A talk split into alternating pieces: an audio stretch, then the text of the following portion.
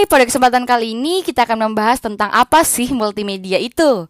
Sebelum masuk lebih dalam mengenai multimedia, kita perlu tahu nih definisi dari multimedia. Multimedia yang diungkapkan oleh Vaughan adalah gabungan antara gambar, suara, teks, animasi, video, dan seni yang penyampaiannya dapat dilakukan melalui komputer, baik secara digital dan dapat dikontrol secara interaktif.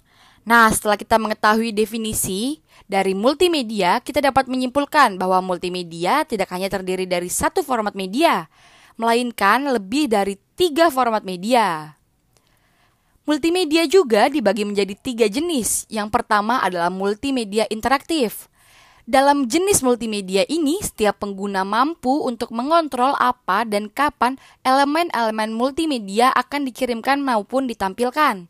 Yang kedua, multimedia hiperaktif. Nah, multimedia pada jenis ini didefinisikan sebagai multimedia yang memiliki struktur yang berasal dari elemen-elemen yang dapat diarahkan oleh pengguna. Ya, dan yang terakhir adalah multimedia linear.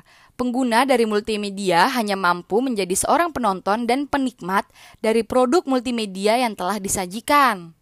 Nah, selanjutnya multimedia ini kita dapat temukan di beberapa bidang. Yang pertama adalah bidang bisnis, dan yang kedua adalah sekolah, dan yang ketiga adalah rumah, yang keempat tempat umum, dan yang terakhir adalah virtual reality atau VR.